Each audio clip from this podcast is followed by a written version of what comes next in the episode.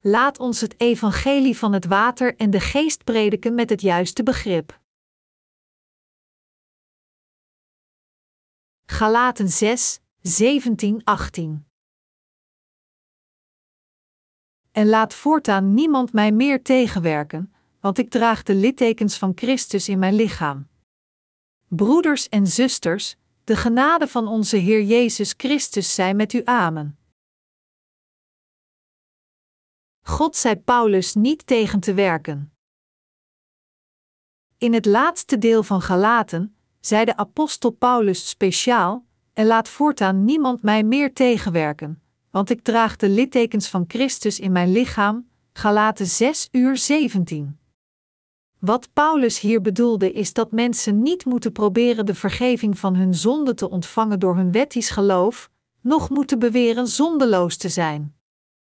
Hij zei dat niemand hem meer moest tegenwerken, vooral sinds hij genoeg had uitgelegd hoe het een verkeerd geloof was voor de besnedenen te proberen Gods mensen te worden door de lichamelijke besnijdenis te ontvangen. Met andere woorden, Paulus vertelde hen hem niet neer te drukken of hem te vermoeien met dergelijke verkeerde overtuigingen. Hoe gefrustreerd moet de apostel Paulus zijn geweest om dergelijke woorden te zeggen? Diegenen die de apostel Paulus het meeste kwelden waren geen buitenstanders. Eerder, het waren de vertegenwoordigers van de lichamelijke besnijdenis en de aanhangers van de wettische overtuigingen onder de werkers en de heiligen binnen Gods kerk die Paulus ziel kwelden. De brieven van Paulus tonen duidelijk aan hoeveel en hoe onophoudelijk de besnedenen hen aan het kwellen waren. Zo gauw toen de apostel Paulus het evangelie aan de niet-Joden predikte en hen amper liet geloven in de waarheid, ruïneerden de vertegenwoordigers van de besnijdenis zijn werk door tegen hen te zeggen: U kunt alleen Abrahams afstammelingen worden als u lichamelijk besneden bent. Zij predikten een ander evangelie toen Paulus weg was, ervoor zorgend dat de niet-Joodse gelovigen de lichamelijke besnijdenis in het vlees ontvingen, en bovendien, diegenen die lichamelijk besneden waren, wraakten.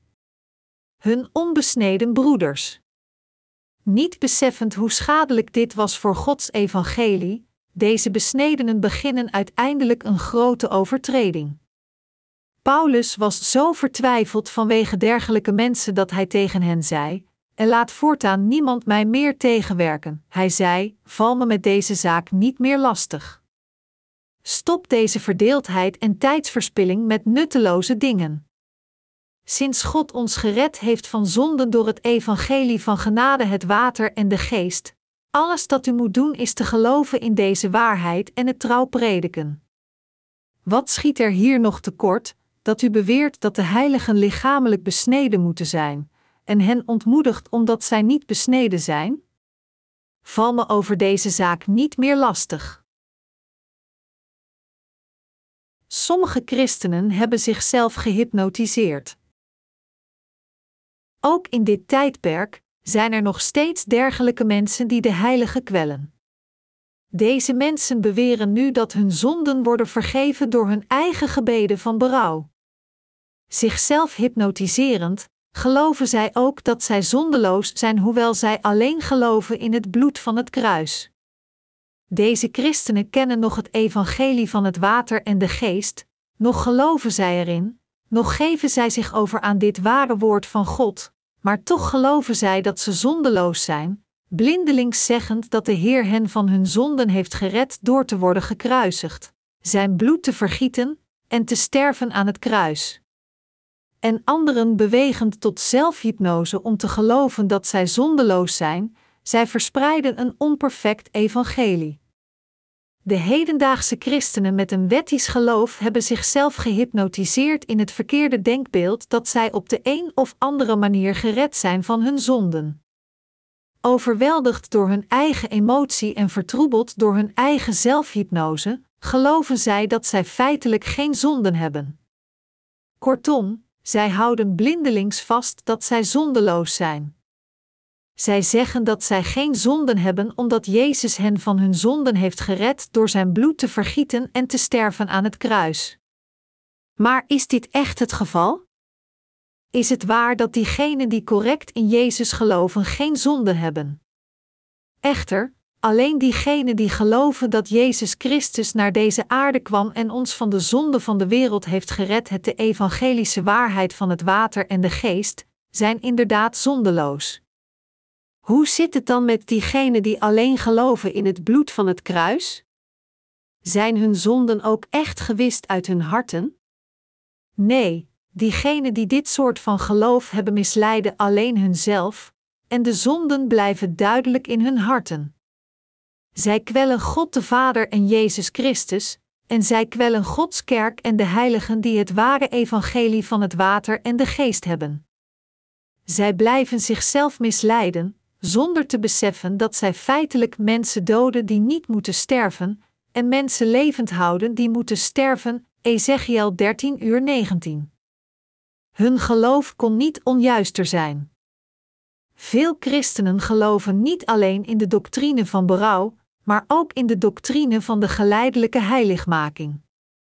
De doctrine van de geleidelijke heiligmaking leert dat als mens lang genoeg in Jezus gelooft, zijn lichaam en hart geleidelijk zullen veranderen om de volledige heiligmaking te bereiken. Een dergelijk geloof is een foutief geloof, daadgeoriënteerd en wettisch.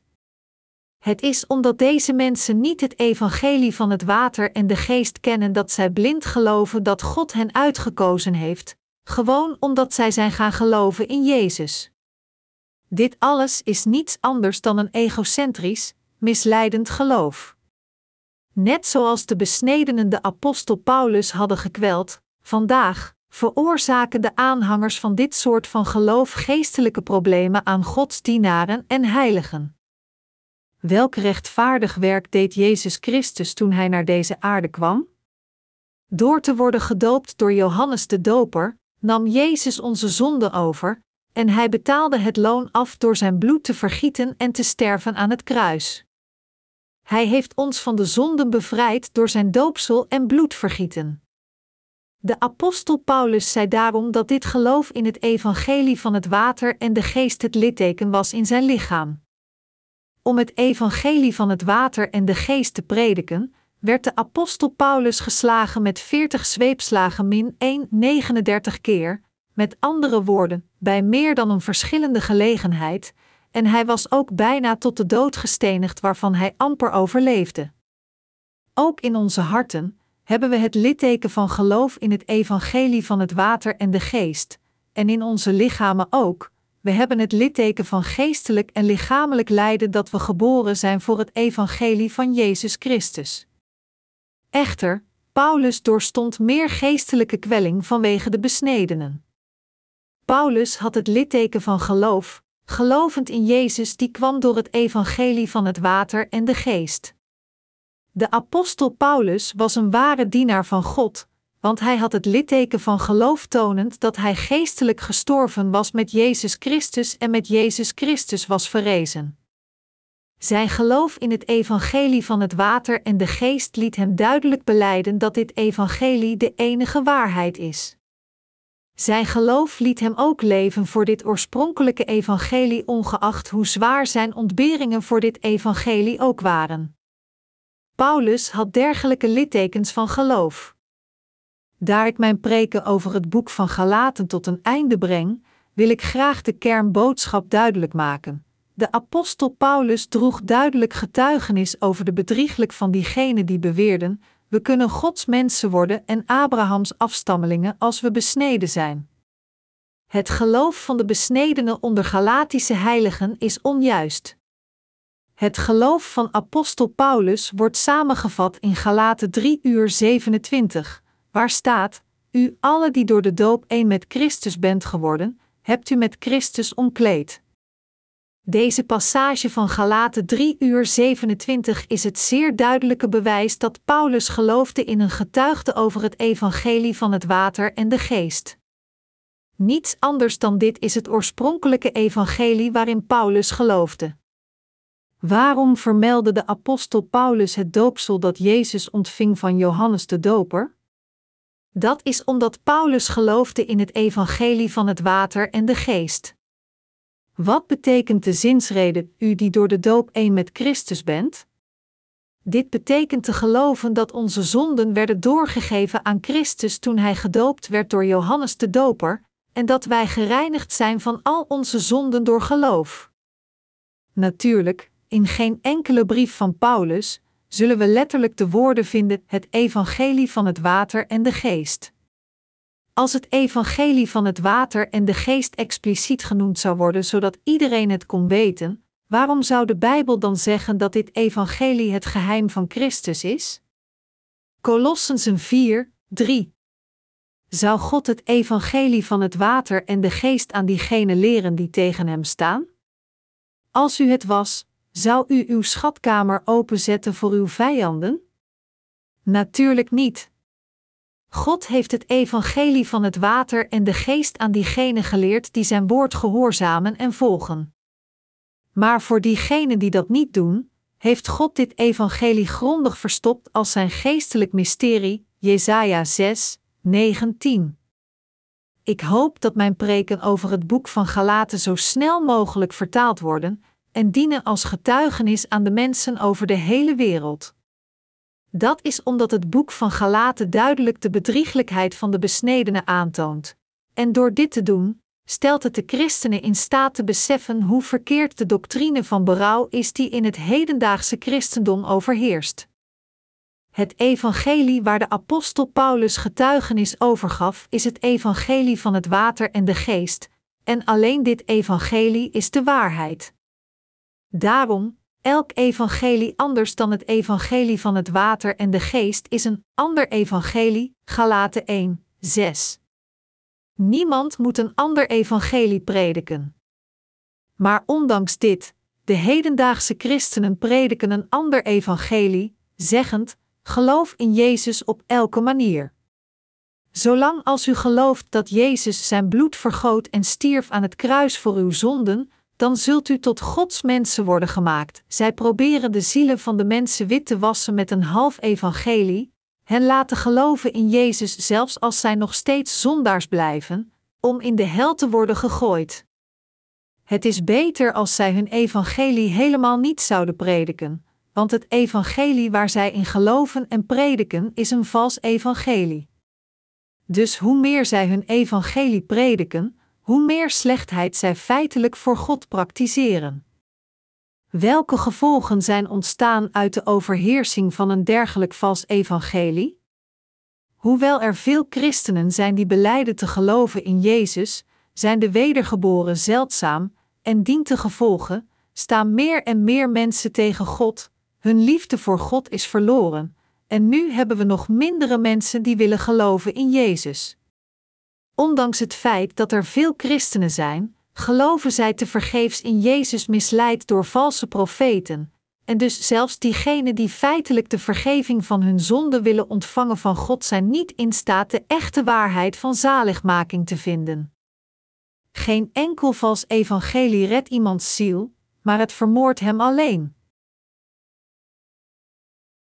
Niemand moet een evangelie prediken dat niets meer is dan een leeg omhulsel.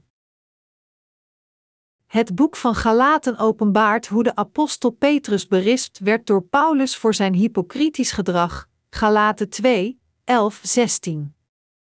Petrus vertoonde een wettisch geloof, tegen de niet-Joden zeggend dat zij moesten leven als de Joden, terwijl hij in feite zelf niet al de statuten die Joden hadden hield.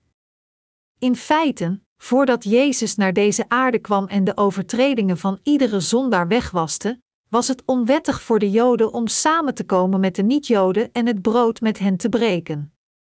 Maar Petrus ontmoette en at toevallig met niet-Joodse christenen.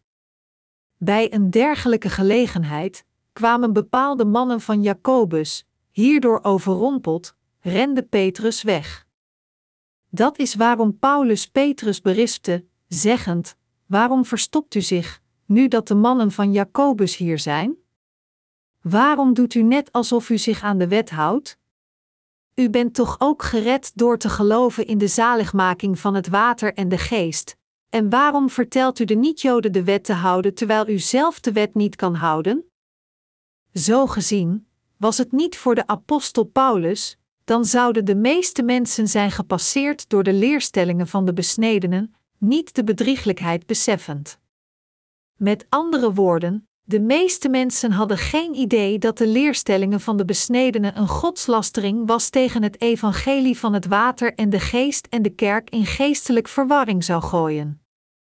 Petrus was iemand die geloofde in het evangelie van het water en de geest, verklarend: En dat water is een voorafbeelding van het water van de doop, waardoor u nu wordt gered. 1 Petrus 3 uur 21.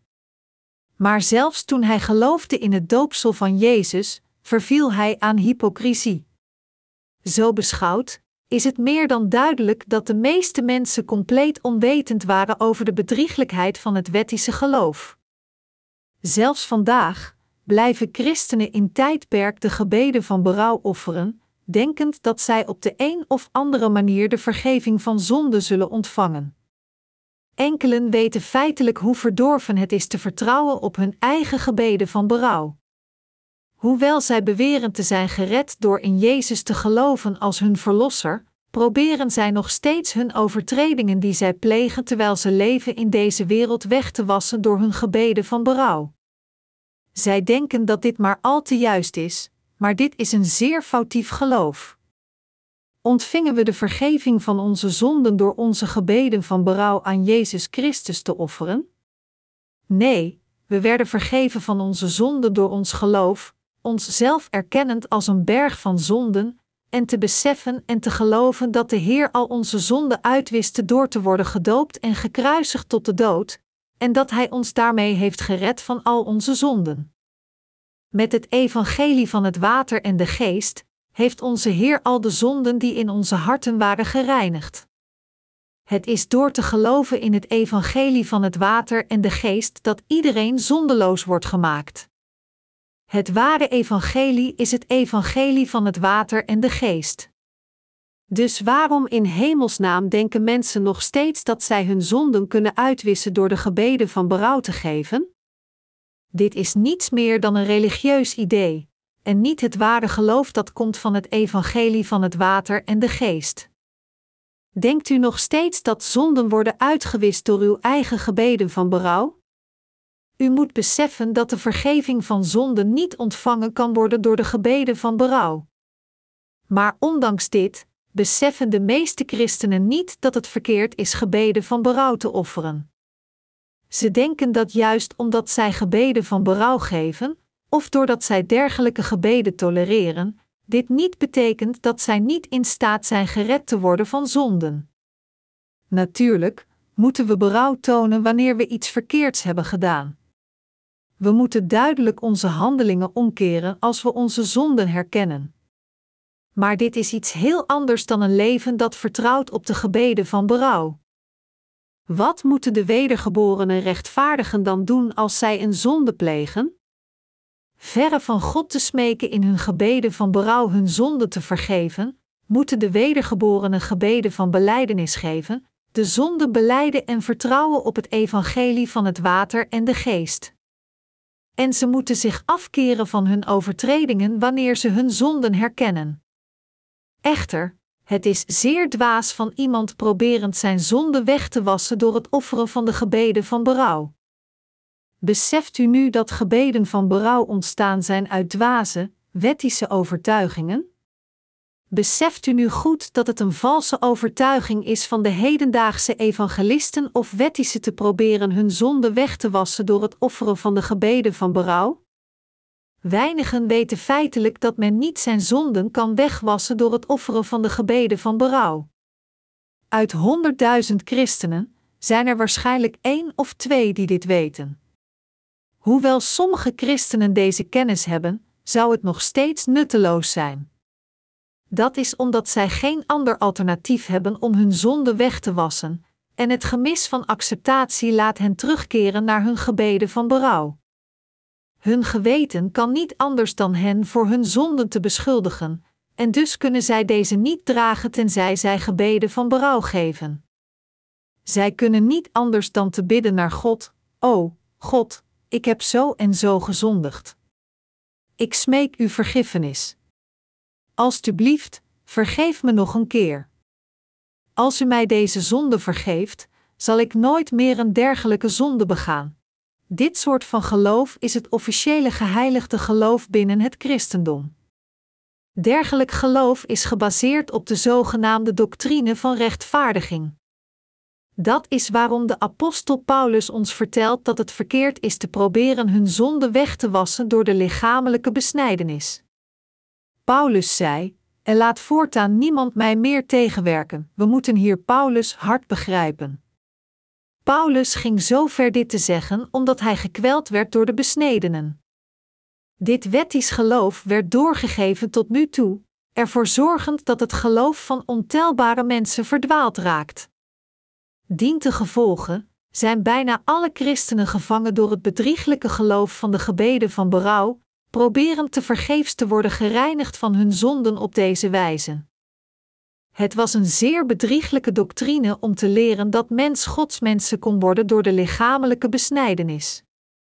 Als zodanig moeten de hedendaagse christenen zich realiseren hoe verkeerd het is te geloven in de doctrine van berouw en de doctrine van de geleidelijke heiligmaking, proberend rechtvaardige mensen te worden op deze manier door dit geloof, reingemaakt in lichaam en geest.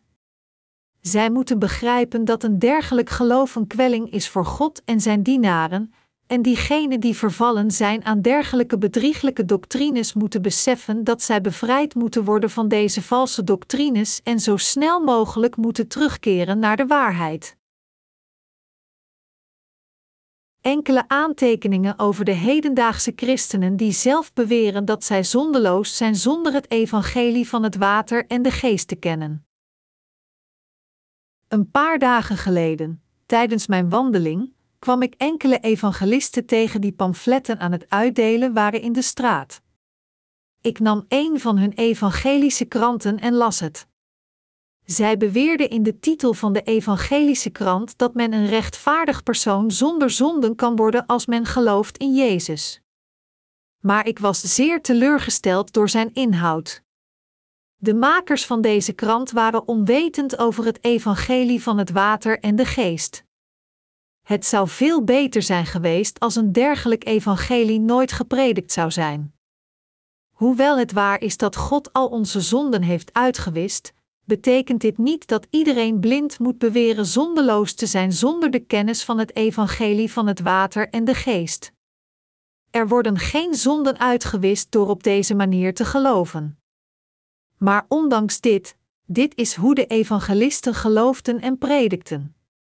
Gezien het feit dat God al de zonden van de mensheid voor eens en altijd heeft uitgewist met de evangelische waarheid van het water en de geest, is het noodzakelijk voor ons te weten dat Jezus Christus de Verlosser is die kwam door dit oorspronkelijke evangelie, en zo met onze harten te geloven. Alleen dan kunnen we Gods mensen worden. We moeten beseffen en geloven in deze liefde van waarheid waarmee de Heer al de zonden heeft uitgewist met het evangelie van het water en de geest.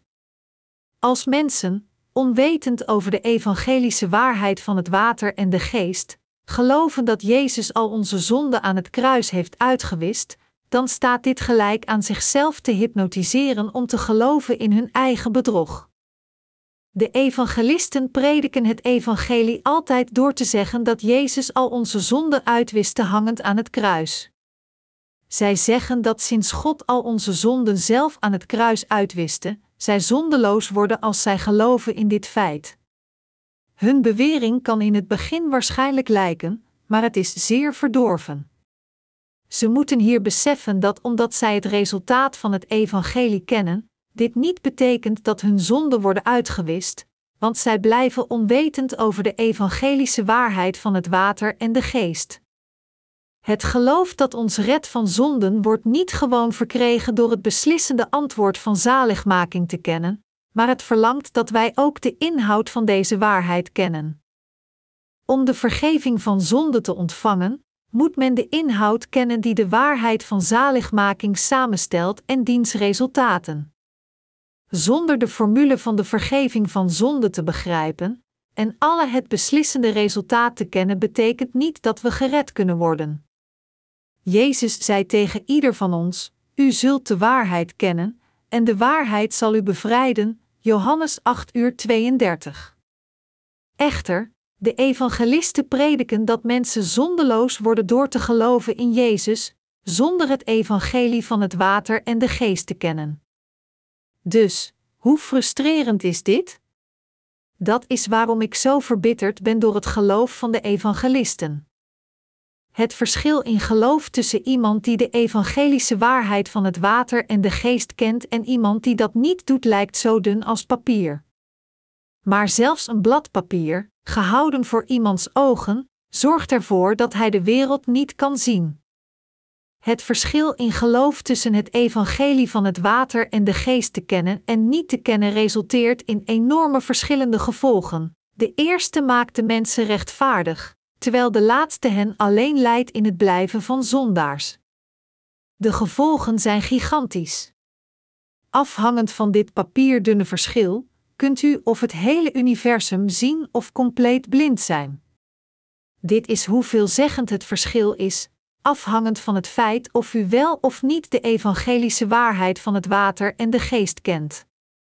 Iedereen die het evangelie predikt moet onfeilbaar de evangelische waarheid van het water en de geest kennen en alleen dit evangelie prediken. Hij moet geloven in de juiste en ware formule dat ons naar het correcte antwoord leidt, dat we zondeloos worden gemaakt als we geloven in Jezus en het evangelie van het water en de geest zoals de inhoud is aan iedereen prediken. Al diegenen die beweren te zijn vergeven van hun zonden zonder zelfs het evangelie van het water en de geest te kennen, hebben een vals geloof. Hun geloof is helemaal verkeerd. Als God onze zonden heeft uitgewist met het evangelie van het water en de geest, hoe kunnen diegenen die zelfs het evangelie van waarheid niet kennen dan gered zijn van hun zonden? Hun evangelie maakt geen enkele zin. Zij zeggen: wie gelooft in Jezus is zondeloos, proberend mensen voor hun financiële middelen uit te buiten in ruil voor de troost van hun harten met hun leugens. Het is een zeer frustrerende tragedie.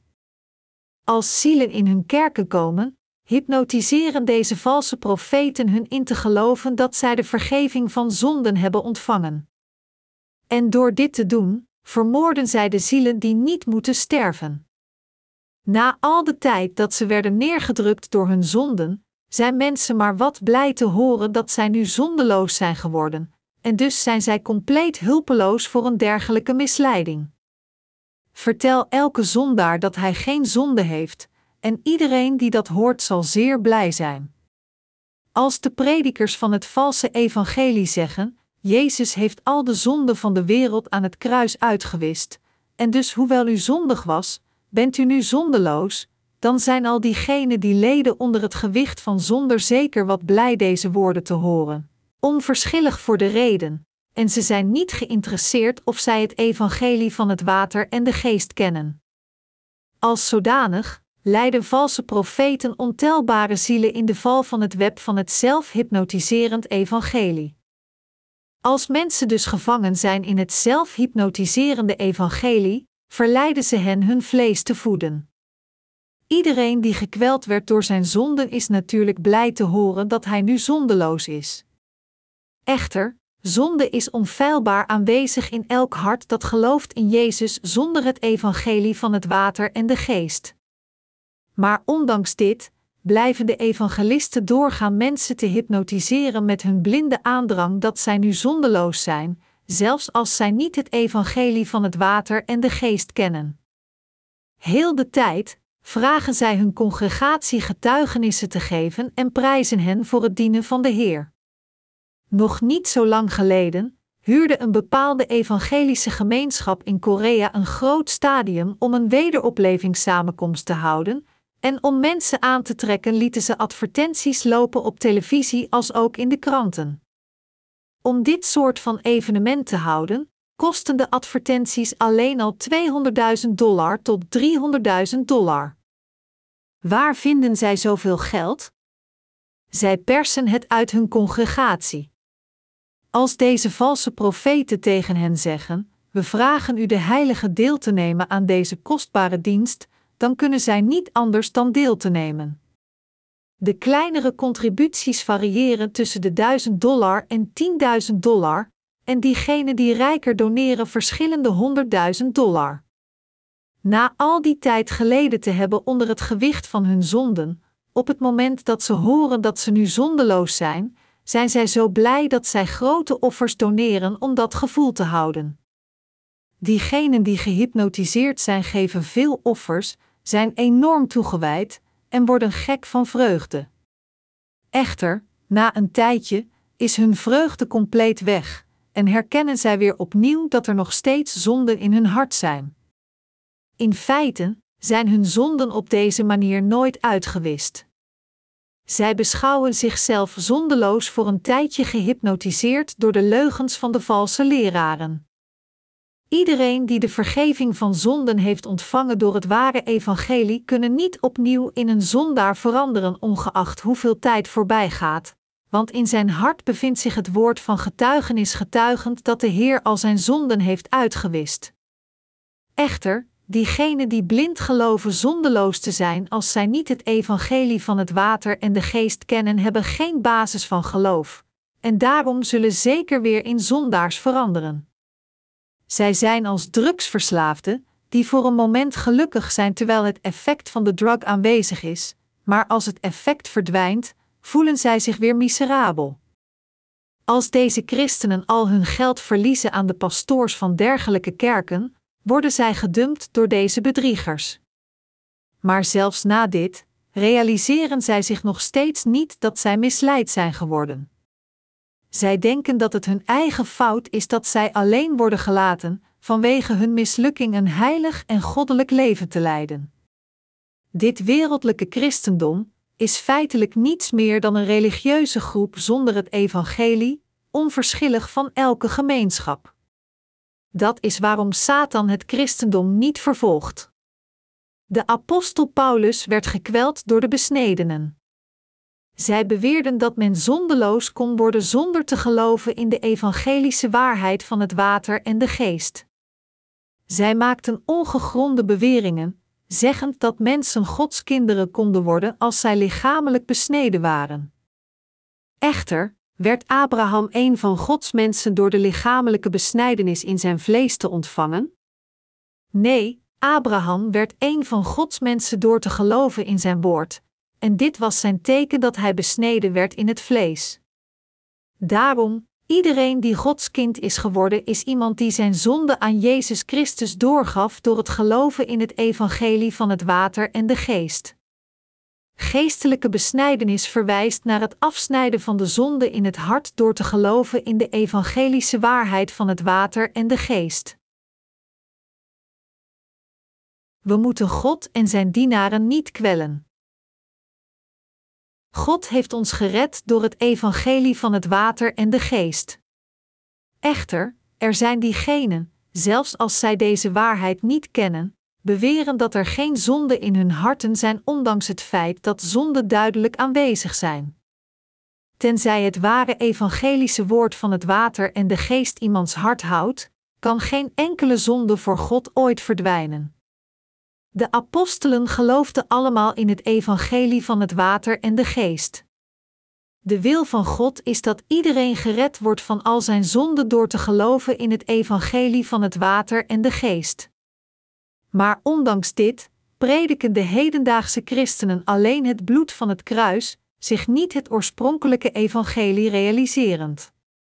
Zij staan nu tegen Gods wil. Dergelijke mensen geloven in het christendom als een wereldlijke religie. Het christendom is niet gewoon een religie. Het is een geloof opgericht op de evangelische waarheid van het water en de geest. Waar wordt het bewijs gevonden dat we de vergeving van zonden hebben ontvangen door te geloven in het evangelie van het water en de geest? Dat is in onze geesten, in onze harten. Hoe kunnen we zeggen dat we van onze zonden gered zijn, tenzij onze harten het bewijs van zaligmaking hebben dat gekomen is door het evangelie van het water en de geest? Zelfs als u het antwoord weet, men heeft geen zonde als men gelooft in Jezus, als uw harten nog steeds zondig blijven, dan betekent dit dat u niet de vergeving van zonde hebt ontvangen. Dat is omdat u niet anders kunt dan zonde te plegen in deze wereld, en tenzij u het bewijs van zaligmaking geopenbaard in het evangelie van het water en de geest hebt, verdwijnen al deze zonden niet, maar kwellen uw harten onophoudelijk. Ongeacht hoe hard u probeert troost te vinden door uzelf te hypnotiseren in het geloven van het zondeloos zijn, blijven uw zonden nog steeds in uw geweten om u keer op keer te binden, en dit kan alleen betekenen dat u nog steeds zondig bent. Hoe kan iemand met zonden een heilige zijn? Hij is geen heilige, maar een christelijke zondaar. Onze vergeving van zonden kwam door de genade van God gevonden in het evangelie van het water en de geest. Kijk naar het geloof van de apostel Paulus. De genade van onze Heer Jezus Christus zij met u. Galaten 6 uur 18. De genade van zaligmaking van Jezus Christus die ons heeft gered door het evangelie van het water en de geest moet in onze harten zijn. De basis van onze zaligmaking van zonden wordt gevonden in het evangelie van het water en de geest, niet in een christelijke doctrine. Het is door het evangelie van het water en de geest te kennen en er met onze harten in te geloven dat we onze zaligmaking bereiken. Maar ondanks dit blijven veel mensen Jezus Christus kwellen. In het bijzonder, de mensen die beleiden te geloven in Jezus zijn zo dwaas dat zij hem feitelijk laten lijden. De boodschappen van dankbaarheid voor de zaligmaking arriveren iedere dag van over de hele wereld. Vandaag stuurde ons een pastoor uit Peru zijn berichten. Hij zei dat als een pastoor hij heel de tijd dacht dat hij gered was, maar na het lezen van een van onze boeken realiseerde hij zich dat hij verkeerd geloofd had. En hij schreef in zijn brief dat hij met heel zijn hart ons gelijk gaf, dat Jezus al de zonde van de mensen en van de wereld overnam toen hij werd gedoopt, zijn bloed aan het kruis vergoot, en daarmee iedereen over de wereld gered heeft. Hij was zeer eerlijk in het schrijven van zijn boodschap. Het zijn dergelijke eerlijke mensen die worden gered. Ik hoop dat ieder van u gelooft in God met een scherpe blik, beseffend hoe u echt moet geloven om God te plezieren en wat het betekent te geloven volgens de wil van God. Voor ons te geloven in Jezus volgens Gods wil is te geloven in de evangelische waarheid van het water en de geest, en daarmee worden bevrijd van al onze zonden een glorie geven aan God. Ik zou willen dat christenen niet zouden veranderen in de soort van mensen die God en Jezus Christus kwellen. Ik hoop dat iedereen over de hele wereld de soort van geloof heeft dat God plezier doet. Mijn medegelovigen, laat ons hierover denken hoeveel mensen onder de christenen in dit tijdperk feitelijk Jezus kwellen. Deze mensen beweren zondeloos te zijn, hoewel zij alleen geloven in het bloed van het kruis. Zij weten nog geloven in het evangelie van het water en de geest, en toch blijven zij vasthouden dat als iemand gelooft in Jezus, dan is hij onvoorwaardelijk zondeloos. Het zijn precies deze mensen die God kwellen. We moeten dergelijke mensen corrigeren.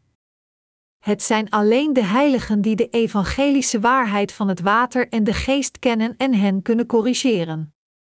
In beide Korea en de wereld is het onder de christenen dat we zoveel mensen zien die Jezus kwellen.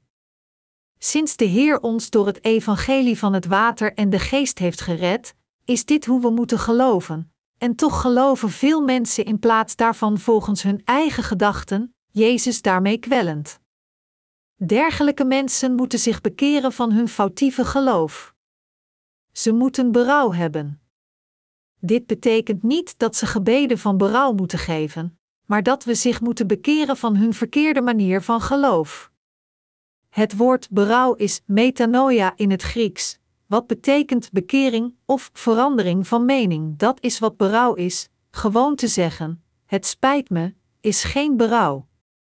Het offeren van de gebeden van berouw is gewoon sleutelen met woorden door te zeggen: Het spijt me.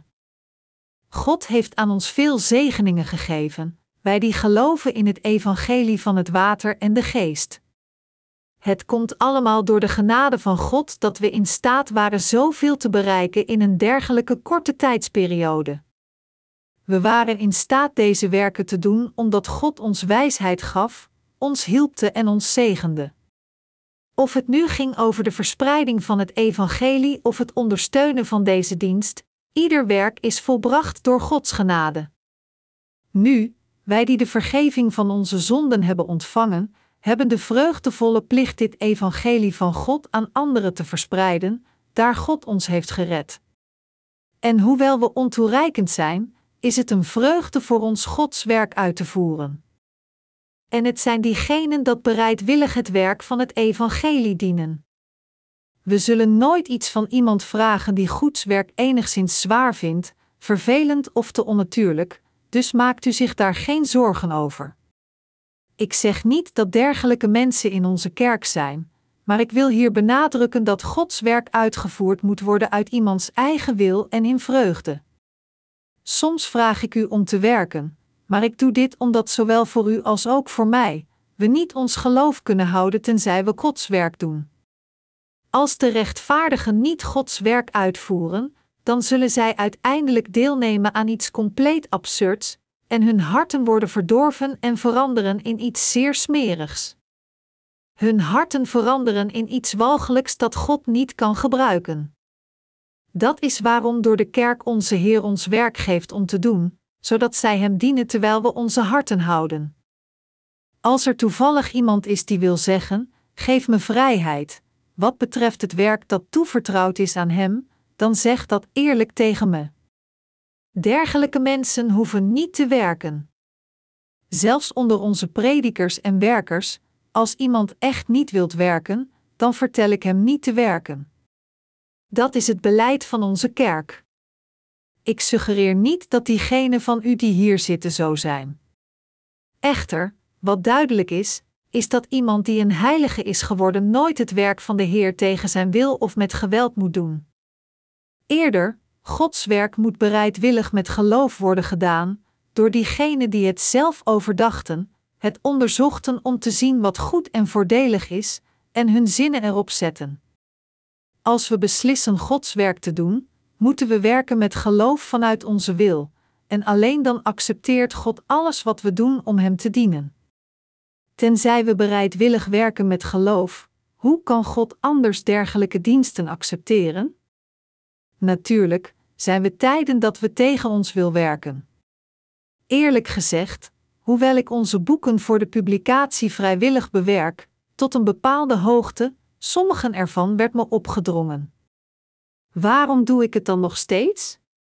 Dat is omdat iemand het moet doen. Ondanks dat mijn hart blij is de Heer op deze manier te dienen, is het voor mijn lichaam zwaar om dit te doen, en dat is waarom ik zeg dat het me werd opgedrongen.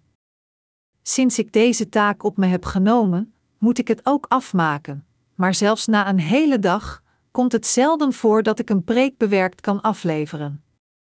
Zelfs na het bewerken vind ik nog steeds iets onbevredigends. Ik ben niet goed in dit soort werk. Niettemin, een ding is duidelijk dat hoewel mijn preken neigen tot herhaling, zeggen zij alleen wat juist is, zonder enige onzin. Natuurlijk, sinds het zwaar is voor mijn lichaam, is het een strijd om mijn lichaam naar mijn werk te dragen, maar ik ben nu iemand geworden die kan werken door te vertrouwen in het evangelie van het water en de geest. En dus voer ik het werk dat me werd toevertrouwd bereidwillig en met een vreugdevol hart uit. Er is niets anders voor ons te doen tenzij we Gods werk doen. Zou u ook niets te doen hebben, als u zou stoppen met dat wat u werd toevertrouwd? Als u de Heer nu niet dient, wat zou u dan doen in de wereld? Zou u niet drinkend en zondeplegend eindigen? U zult een nog slechter leven leiden dan uw ouders, die u hebt gekleineerd, door te zeggen: Ik wil niet leven zoals hen. Ik ben blij. Bent u blij? Ik geef mijn dankbaarheid aan God. Ik denk niet dat er nog veel dagen overblijven voor ons om het evangelie van het water en de geest te prediken. Dat is waarom ik geloof dat we het evangelie vurig moeten prediken zolang als we kunnen. Zoals het spreekwoord zegt: maak hooi terwijl de zon schijnt, wij moeten werken als we nog in staat zijn om te werken. Nu is de tijd dat we Gods werk kunnen doen. U en ik moeten Gods werk nu uitvoeren.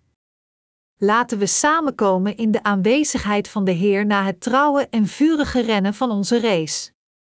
Halleluja!